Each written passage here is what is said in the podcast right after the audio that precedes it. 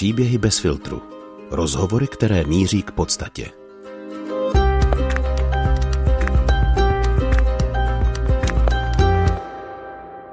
Začíná druhý únorový díl podcastu Příběhy bez filtru. Od mikrofonu zdraví Ondřej Havlíček. Pokud nás rádi posloucháte, můžete nás podpořit pravidelnou platbou na náš účet nebo skrze platformu Hero Hero, kde je taky dostupný bonusový obsah k našim epizodám. Informace k možné podpoře najdete na našem webu bezfiltrupodcast.cz. Děkujeme. Je mu teprve 32, ale už platí za jednu z nejvýraznějších osobností svého náboženství u nás. David Maxa je rabínem v několika českých židovských komunitách a pravidelně se zapojuje do aktivit mezináboženského dialogu. V našem rozhovoru popisuje židovství jako žitou tradici a vysvětluje, proč víra není to, co by stálo v jeho náboženství na prvním místě. Vzpomíná na svého tatínka, od kterého se v dětství postupně dozvídal o svých kořenech a popisuje, co ho vedlo k rozhodnutí stát se rabínem. Není židovství v Česku spíš jen vzpomínáním na traumata minulosti a v co vlastně jako žid věří? Ptám se v první části našeho rozhovoru, která právě začíná. Dobrý poslech. Rabín David Maxa je naším hostem v pořadu Příběhy bez filtru. Dobré dopoledne. Dobré dopoledne. Po smrti otce jsem se rozhodl proskoumat své židovské kořeny. Píšete o sobě na svém webu. Tak eh, já začnu možná trochu z ostra, ale zdá se mi, že tohle je tak trochu typicky židovské. Často to o sobě židé v rozhovorech říkají, že eh, se rozhodli eh, proskoumat své kořeny a na základě toho taky došli třeba nějak hlouběji ke své vlastní víře. Když ale média dělají rozhovor s někým o křesťanství, tak se tam tohle většinou neobjevuje. Proč pro vás bylo tak důležité zkoumat svoje kořeny? Já teď myslím vás osobně a potom se možná můžeme bavit i obecně. Eh, já myslím, že to byla jednak cesta k pochopení vlastní identity, ale zároveň také eh, cesta určité zvědavosti, k tomu, co eh, vlastně bylo přede mnou. A eh, možná k tomu přispělo také to, že v naší rodině šlo i přesto, že můj táta o určitých věcech hovořil poměrně otevřeně, tak stejně šlo o určité tabu. Je to poněkud zvláštní, ta moje cesta k židovství, k tomu, jak jste zmínil, zkoumání Eh, vlastních kořenů, tak eh, v podstatě začala už eh, v, ve čtyřech letech a to na židovském hřbitově v Praze. Velmi zvláštní místo na začátek. Jak se to stane ve čtyřech letech? Um, můj táta mě přibližně ve čtyřech letech vzal na nový židovský hřbitov na pražských Olšanech, kam jsme šli navštívit hrob jeho, pra, jeho dědečka, mého pradědečka, po kterém jsem byl Eh, jak mě táta ještě před eh, eh, rozhovorem, ještě před naší návštěvou vlastně toho hřbitova upozornil, po kterém jsem byl pojmenován. A tento hrob se nachází na novém židovském hřbitově na pražských Olšanech. A my, když jsme tam tak šli, tak již v této chvíli mi přišlo velmi zvláštní jednak eh, písmo, které eh, je na náhrobcích, i když tenkrát jsem samozřejmě ještě číst neuměl, tak eh, to písmo mi přišlo velmi zvláštní, ale taky jsem se podivoval nad různými tvary, nezvyklými tvary těch náhrobků, které jsem neznal třeba z návštěvy nějakého jiného hřbitova. A přišly mi také zvláštní symboly, které se na nich objevovaly. A nám se stala taková poměrně nemilá věc, eh, eh, když jsme tento hrob hledali, tak bohužel jsme ho nemohli najít, což je takové skoro rodinné prokletí, kdy někdy se vydáme na tento hřbitov a prostě eh, není možné ho najít, ačkoliv vlastně víme, kde je. A tak v určitou chvíli, kdy už se poměrně dost smívalo, jsme si řekli, že je čas vydat se zpátky a že kamínky, které jsme sebou přinesli, což je eh, eh, vlastně taková židovská tradice pokládat na náhrobky eh, kamínky na místo květin, že je položíme na náhrobek jeho bratra, respektive bratra tátova dědečka. A tak jsme také učinili a vydali se zpátky ke hřbitovní bráně. A když jsme tam přišli, tak k našemu velkému překvapení brána byla zavřena a nikde nikdo.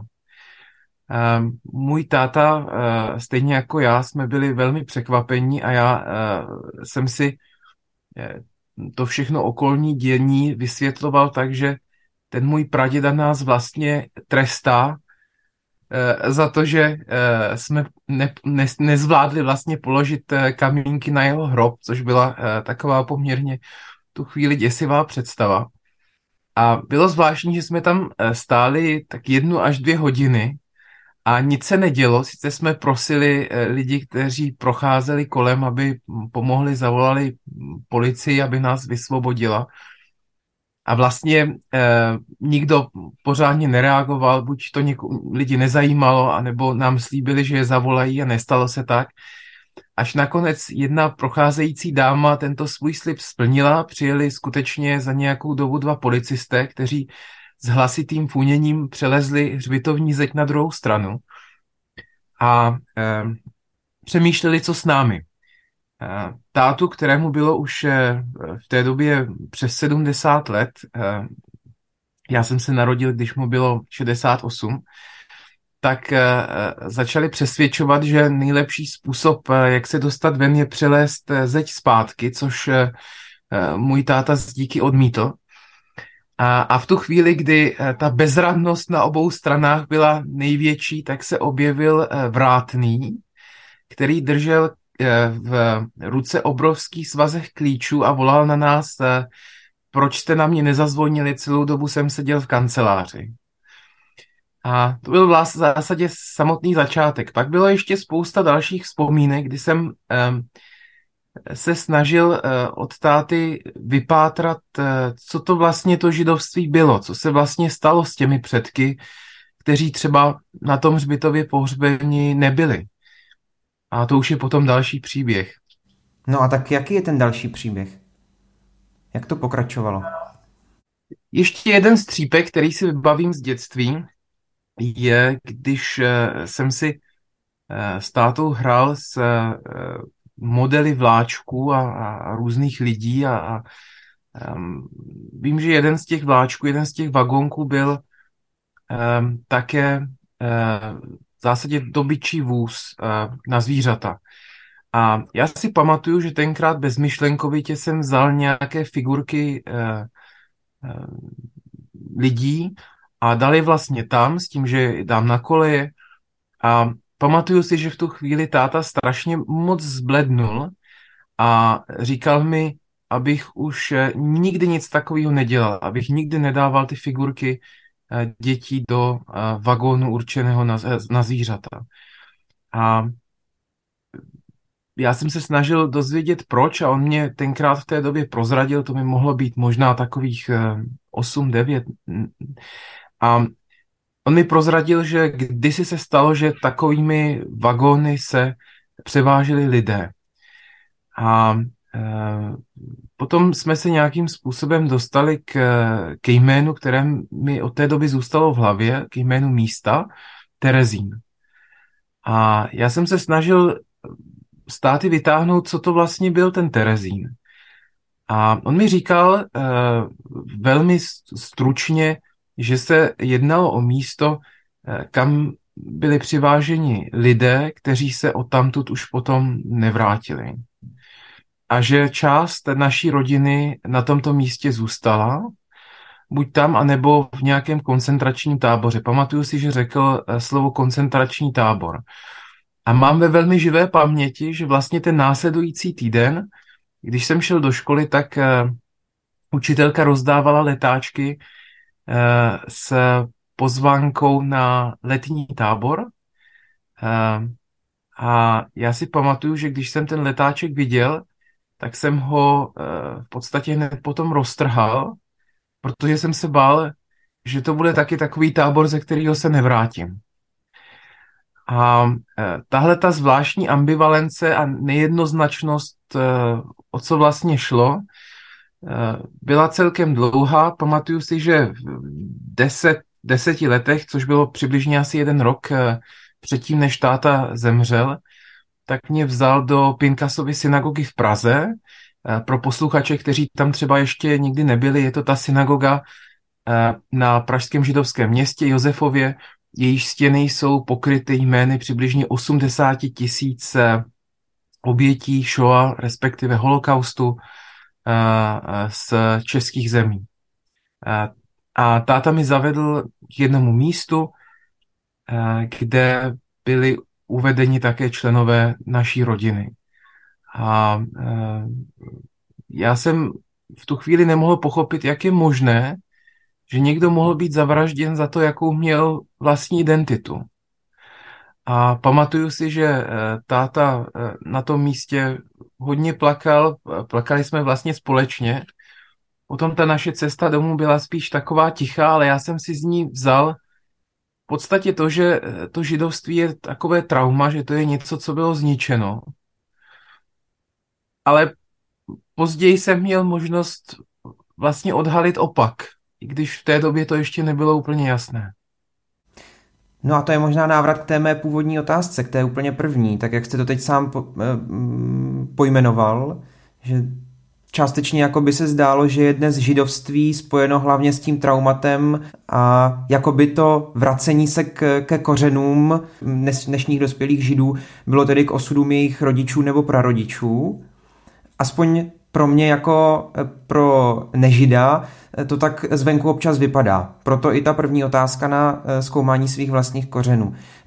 A zeptám se dál, mm, váš táta s váma mluvil někdy třeba i o, o víře jako takové, o židovské? Chodili jste spolu do synagogy, nebo to bylo právě spojeno jen třeba s těmi návštěvami hřbitova nebo synagogy v souvislosti se vzpomínáním na předky a podobně? Ne, nemluvil. Bylo to vždycky eh, velmi spojeno se vzpomínáním s minulostí na synagogu, eh, respektive synagogu jsme navštívili jenom jakožto památník, ale nikdy jsme společně nešli třeba na nějaký židovský svátek, i když třeba občas eh, táta něco pronesl, vzpomínal hodně na svého dědečka, o kterém jsem už mluvil, Eh, protože eh, podle tátových slov on měl velmi krásný hlas. Můj táta se eh, ve svém životě později stal operním zpěvákem díky inspiraci právě od tohoto dědečka. A tak na něj vzpomínali v této souvislosti a říkal, že také zpíval některé synagogální zpěvy. To si jako vybavuju, že, že táta zmiňoval. Ale já sám jsem se k židovství jakožto k žité tradici vlastně dostal mnohem později. Mohlo mi, mi být 14-15 eh, let, kdy jeden rodinný přítel, také z oblasti hudby, hudební skladatel Alexander Goldscheider, tak se nabídnul, že by mě vzal na židovský svátek Pesach, na tradiční sederovou večeři, což je eh, eh, připomínka eh, východu židovského lidu z egyptského otroctví. A je to taková velmi zajímavá večeře, která je plná nejrůznějších chutí a vůní. To, co vlastně hraje velmi podstatnou roli, je, že se konzumují nejrůznější potraviny, které jsou v podstatě spojené s připomínáním um, toho příběhu jako takového. Potraviny nám pomáhají vzpomenout si a zpřítomnit ten příběh, který se stal tak strašně dávno Eh, do dnešních dnů. Eh, takže eh, například k té sederové večeři patří maces, což je tradiční nekvašený chléb, nebo maror, což je ta hořká zelenina a, a spoustu dalších věcí. Jde o poměrně komplikovanou záležitost, ten seder trvá docela dlouho a člověk musí se docela dosoustředit, aby všechno zvládnul v tom správném pořadí, tak jak to má být. A do dneška si pamatuju na tu svoji první eh, návštěvu, bylo to taková uh, překvapující věc, pro mě velmi dojemná, uh, protože najednou jsem viděl, že uh, to židovství není jenom o minulosti a že to není něco, co bylo zničeno, ale že to pokračuje stále dál a myslím si, že tohle byl hodně formující moment v mém životě, kdy jsem si řekl, že by bylo dobré ho i to, tímhletím způsobem vlastně odhalovat. A to vám bylo kolik?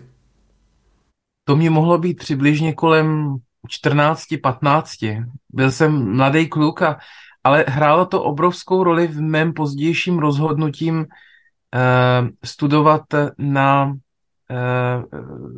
Karlově univerzitě obor judaistika, Eh, což eh, byla vlastně taková moje cesta, jak se s tím židovstvím seznámit eh, trošičku víc.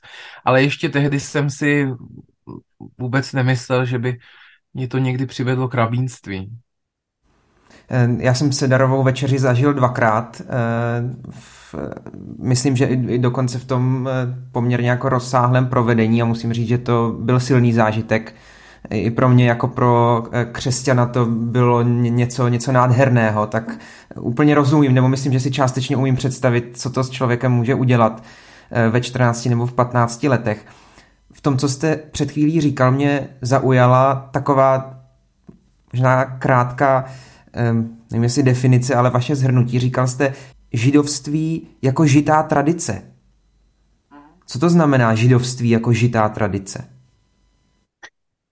Eh, pro mě v té době v první řadě eh, to, že eh, židovství nikam nezmizelo. Já jsem kolikrát, když, když jdu po židovském městě, tak občas se setkám třeba s průvodcem, zaposlouchám se do výkladu nějakého průvodce, který, který mluví o židovství v minulém čase. Židé byli, židé žili, židé dělali, židé slavili a myslím si, že to je hodně symptomatické pro uh, takové pojetí židovství nejenom občas ve většinové společnosti, že je to něco, co vlastně nějakým způsobem zmizelo, což do určité míry eh, ta velikost židovské komunity, tak jak tady existovala v období před druhou světovou válkou, tak samozřejmě ta komunita se nevrátila. Ale stejně vzniknul bohužel i potom eh, kvůli komunismu eh, takový pocit, že to židovství vlastně patří do minulosti. A e, to, byla, e, to byl vlastně takový určitý předsudek, e, ze kterým jsem musel sám bojovat a vlastně jsem byl strašně moc překvapený, že to tak není. A žitá tradice, také toto slovo můžeme pochopit v tom smyslu, že židovství je velmi důležité, v židovství je velmi důležité to, jakým způsobem ho pro, člověk prožívá, vlastně každodenně. A každý člověk má nějaký jiný způsob, jak vkládá eh, různé prvky a různé rituály z židovské tradice do vlastního života. A já si netroufám říct, která cesta je ta ideální. Jo? Myslím si, že každý člověk má svoji vlastní cestu, ale co je důležité, ve všech různých případech, i z mojí rabínské praxe, to znám, když uh, je to součástí té naší každodenní cesty. Tím či oním způsobem, ale je to velmi klíčové. Proto žitá tradice.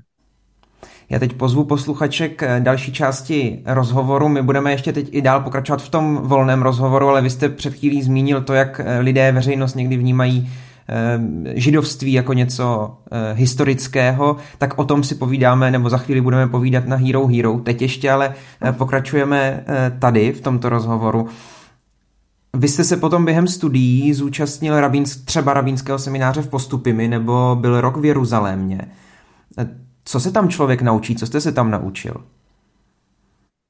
To je krásná otázka. Já eh, musím říct, že když jsem byl eh, svůj první, když jsem trávil svůj první den na rabínském semináři, tak mně to přišlo trošku jako takový Harry Potterovský den, že najednou ty věci, které jsme tam studovali, byly, ty věci byly úplně jiné nezapadaly třeba kdy do kontextu eh, toho, co jsem dělal předtím.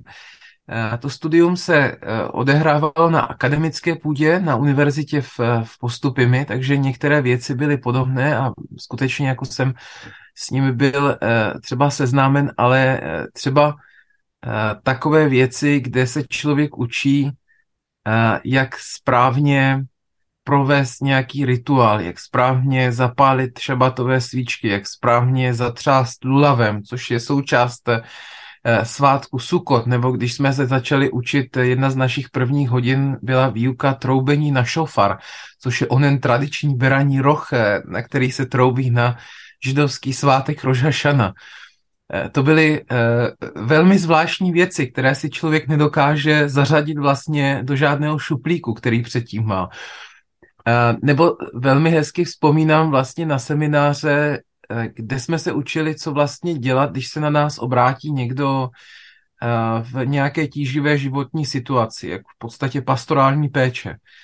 Byly to věci, které jsem do té doby nedělal, přišly mi velmi zajímavé, velmi hluboké a byl jsem tím doslova kouzlem, bylo to, bylo to hezké. Eh, ovšem byly také složité, složité dny, složité věci, složité situace, eh, tak jako jsou v jakémkoliv povolání, v jakémkoliv studiu.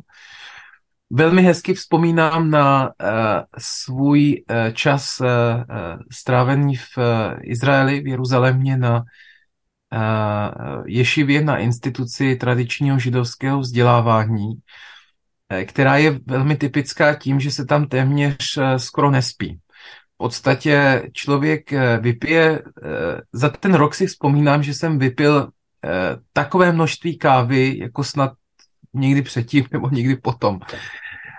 Um, a je to kvůli tomu, že to studium je velmi intenzivní, že spočívá v, v zahloubání se v, v textu, ať už je to text Tory nebo Tanachu, respektive hebrejské Bible, nebo Talmudu, uh, různých rabínských komentářů a velmi, co je pro to studium velmi typické, je takzvaná chevruta, což je studium v páru, kdy dva lidé Eh, ale může být i více, společně studují a v podstatě konfrontují se navzájem, jo? mají odlišné pohledy, které, eh, eh, které se střetávají třeba, ale to není špatně. V židovství je velmi podporováno, když proti sobě stojí dva pohled, pohledy a v podstatě ti lidé mají za cíl o nich diskutovat a vyzkoušet co největší množství argumentů a možností.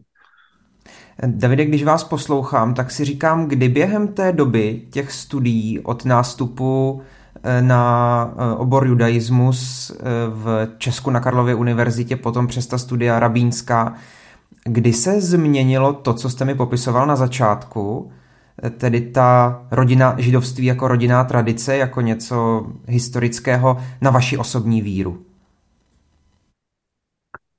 Já ten moment nedokážu přesně definovat to je velmi zajímavá věc, protože si na jednu stranu myslím, že určitá forma kontinuity eh, eh, tam stále byla a je vlastně.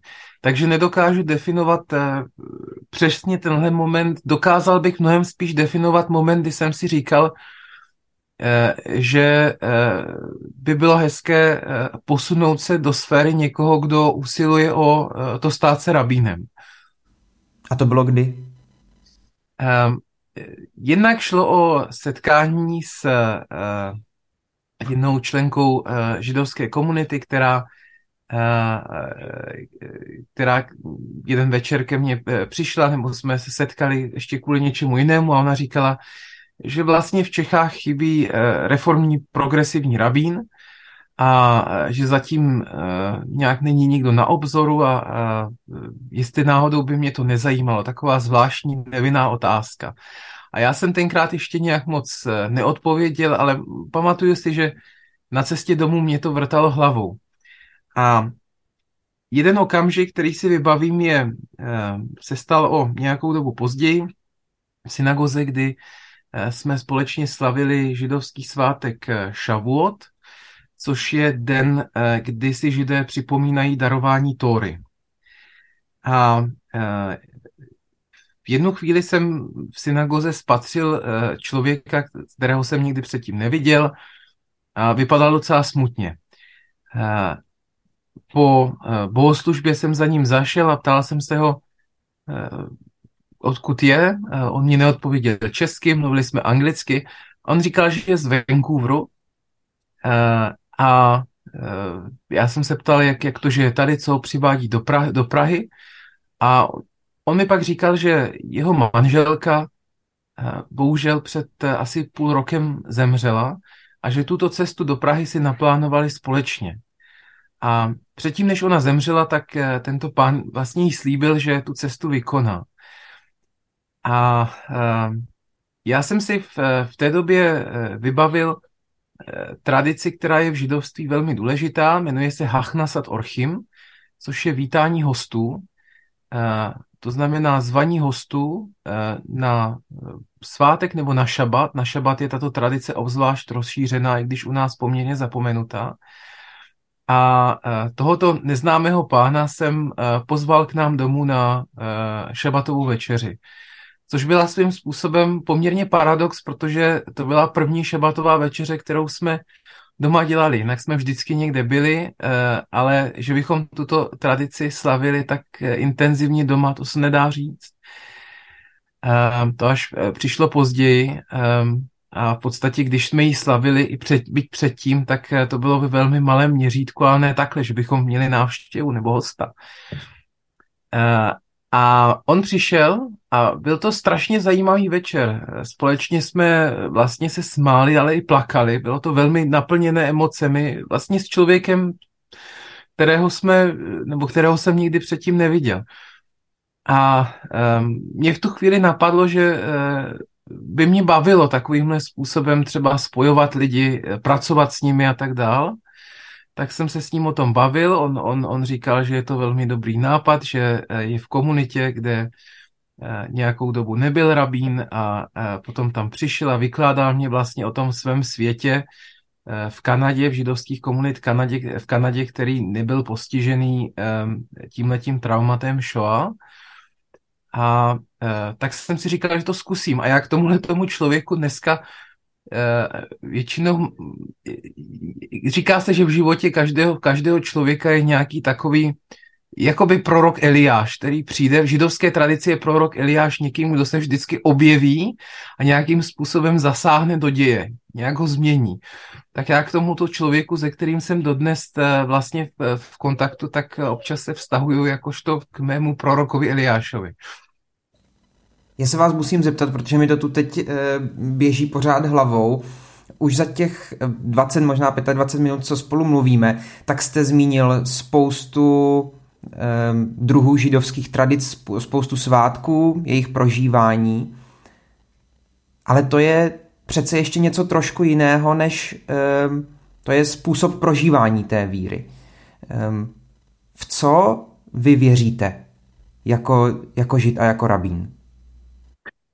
Je zajímavá otázka, protože fenomén uh, uh, víry je v židovství velmi úzce spojen s praxí. To znamená s tím, jak já prožívám, tak já, jak já žiju, tak zároveň uh, zpětně ovlivňuje to, jakým způsobem mám o věcech svoje vlastní přesvědčení. To znamená, víra v židovství není tím to co, to, co by se řešilo na prvním místě. Jo, důležitá je určitá forma praxe, která ale potom zpětně ovlivňuje víru a naše přesvědčení, eh, které máme. A eh, to si myslím, že se také projevuje na tom, jaký má tahle víra charakter potom. Je, je třeba zvláštní, že eh, židovské svátky, o kterých jsem právě mluvil, tak každý z nich má svůj vlastní aspekt a v každém z, těchto svátků se projevuje trošku jiná dimenze vztahu židovského národa, ale taky jednotlivce k Bohu. Když uh, máme Jom Kippur, tak se k Bohu vztahujeme jednak uh, jako k vládci, uh, který nás soudí za to, co jsme třeba v minulém roce udělali nebo neudělali, ale zároveň je připraven nám odpustit, pokud prokážeme eh, dostatečnou eh, míru sebereflexe, hešbon nefeš, eh, účet duše, jak se tomu v hebrejštině říká. Ale potom máme další svátek, a sice Pesach, kdy se vztahujeme k Bohu jakožto k zachránci, k tomu, kdo vyvádí izraelský lid z otroctví. Máme svátek Purim, ve kterém si připomínáme eh, to, že Židům se podařilo zvítězit nad odním proradným Hamanem, který je chtěl zničit eh, v Perské říši. Je to takový poměrně zajímavý příběh a ten svátek snad ještě zajímavější v kontextu eh, jeho obsahu. Pije se na něj hodně alkoholu, oslavuje se. Ale co je na tom svátku zvláštní, respektive na té knize, která se při něm čte a která popisuje jeho obsah, je, že v ní ani jednou není zmíněno boží jméno. A já si myslím, že ten svátek eh, reaguje na situaci eh, každého eh, z nás a to je situace, kdy, je, kdy, Bůh absentuje, kdy není přítomen.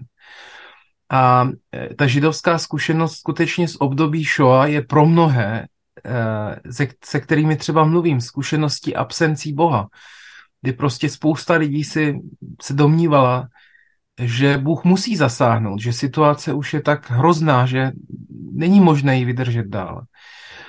A já si myslím, že to vytváří takový velmi dynamický vztah v židovství eh, eh, ve vztahu k Bohu, ve vztahu k víře, kdy v podstatě ehm, existuje takový termín, ehm, možná ho budete znát třeba i z běžného jazyka, jmenuje se chucpa.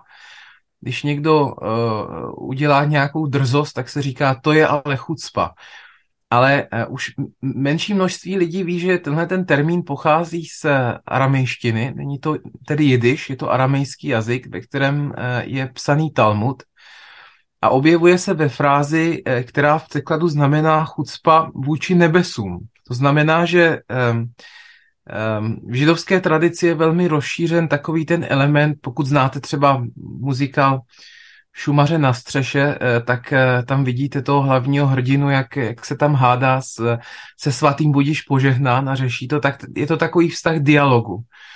A myslím si, že eh, tenhle vztah dialogu, toho, toho vztahu mého já a ty se potom ještě i hodně výrazně objevuje ve filozofii Martina Bubera. S tím, že ten vztah k Bohu je vztah k tomu, co oslavuju jako ty, a v podstatě ten vztah k Bohu je také uh, určitým způsobem obsažen ve vztahu k ostatním lidem, tomu, jakým, jakým člověk eh, s nimi jedná, což je jakoby ta uh, praktická, ta etická stránka židovské tradice, kdy se hovoří právě o té praxi a o tom, co by člověk měl dělat, neměl dělat, tak vlastně jde to zpátky k té vaší otázce, že je to um,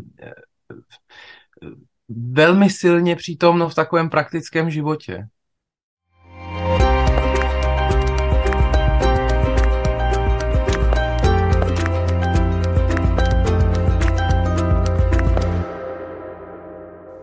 Myslím, že už jsem snad trošku porozuměl tomu, jak, jak důležitá je v židovství tradice a tedy to žité, jak jste říkal, ta žitá praxe. Kdybych od té původní otázky, od toho, co, v co věříte, přešel k tomu, v co jako rabín doufáte, že dosáhnete. Co je vaším posláním? Čeho chcete dosáhnout? Velká otázka. Určitě eh, tenhle eh, jednotlivé aspekty nebo přístupy se eh, k tomuhle se mění během života, ale já když už jsem začínal, tak jsem měl poměrně jasnou uh, představu, eh, nebo spíš takový sen. Nevěděl jsem tenkrát, jestli se to nakonec opravdu stane, ale byla to rozhodně moje vize, abych uh, se vrátil sem do České republiky. Abych uh, mohl svým vlastním dílem přispět k uh, vlastně obnově židovského života. Je to docela zvláštní říkat uh, obnově, když vlastně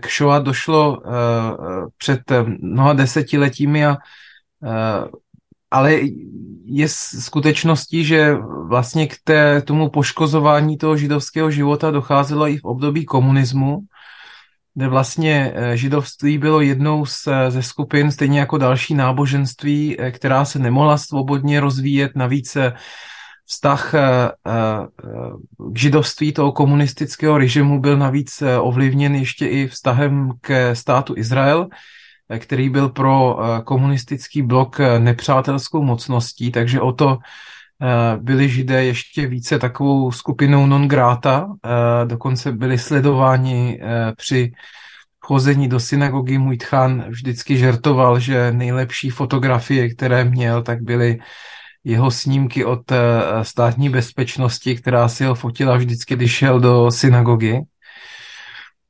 Ale eh, eh, takže skutečně obnova. A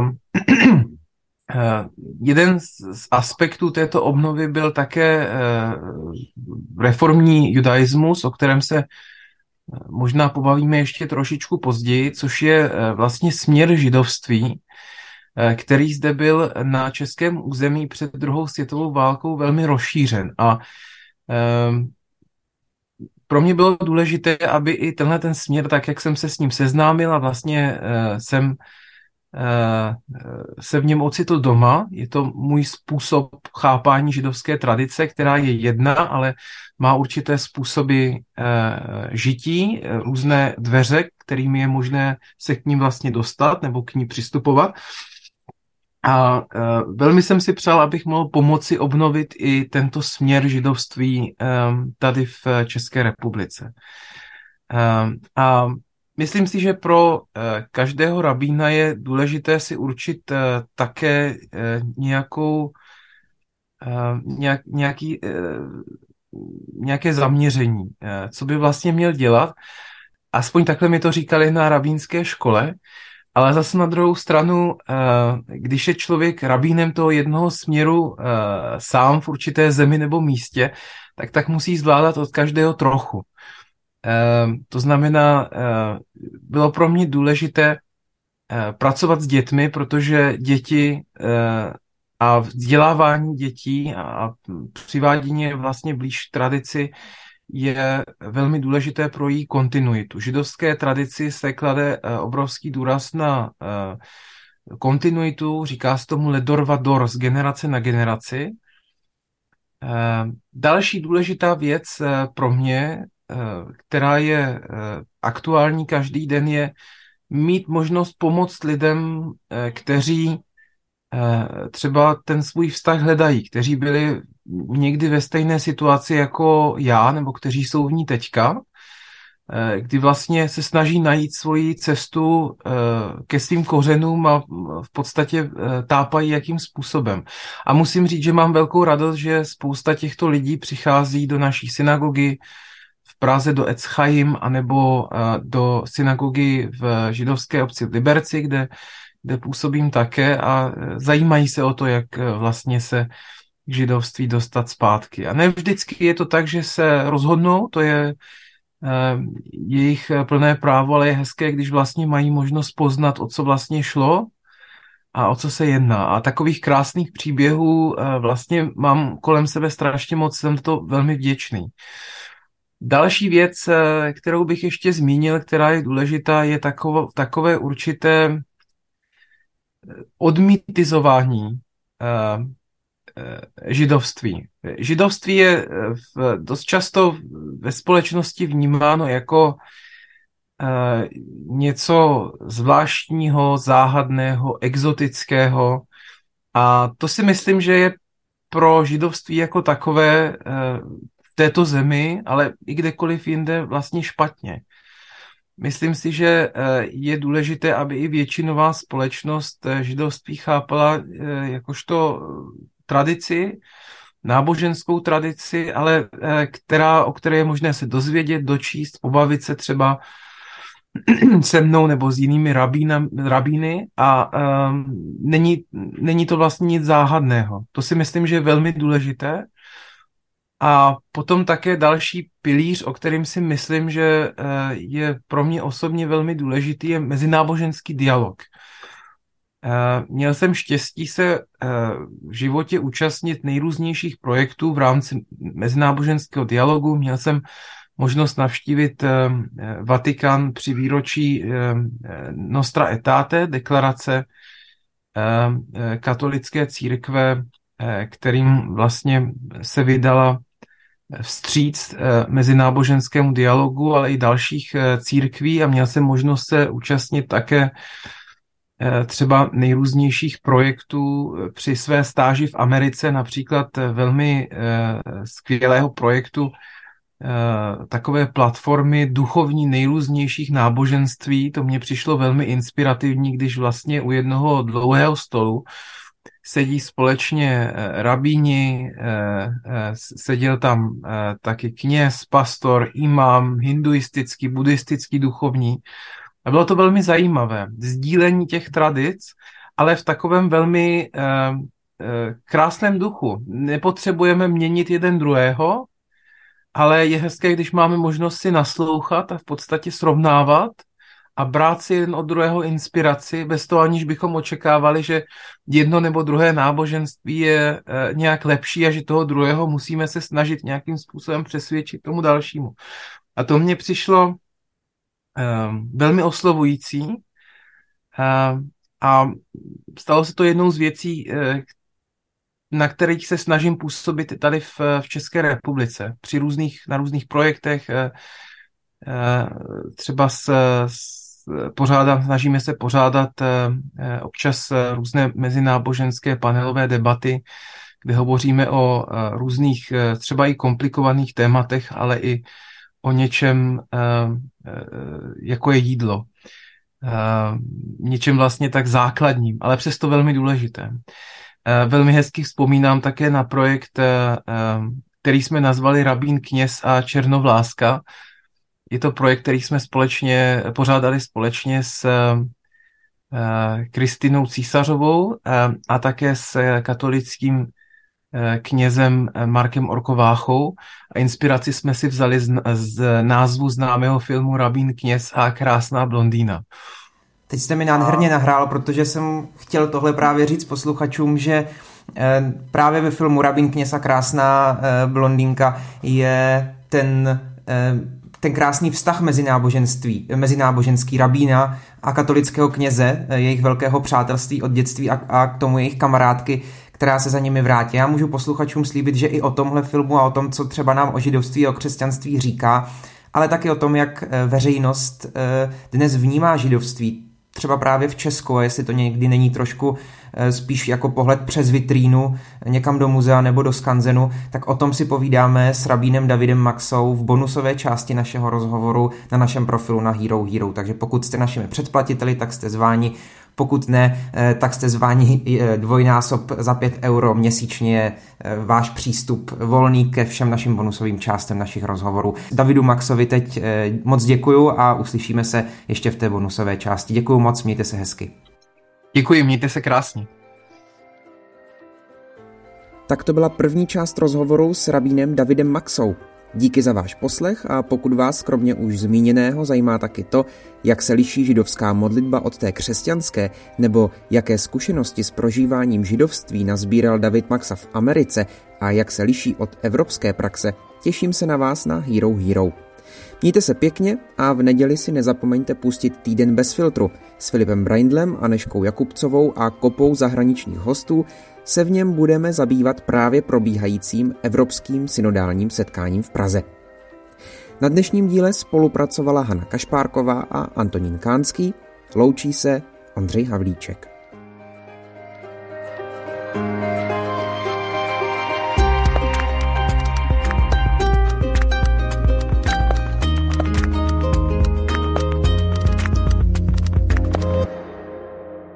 bez filtru. O zásadních věcech otevřeně a bez předsudků. Najdete nás v podcastových aplikacích na Facebooku, Twitteru a Instagramu bez filtru pomlčka podcast. Chcete nás podpořit? Info na webu bezfiltrupodcast.cz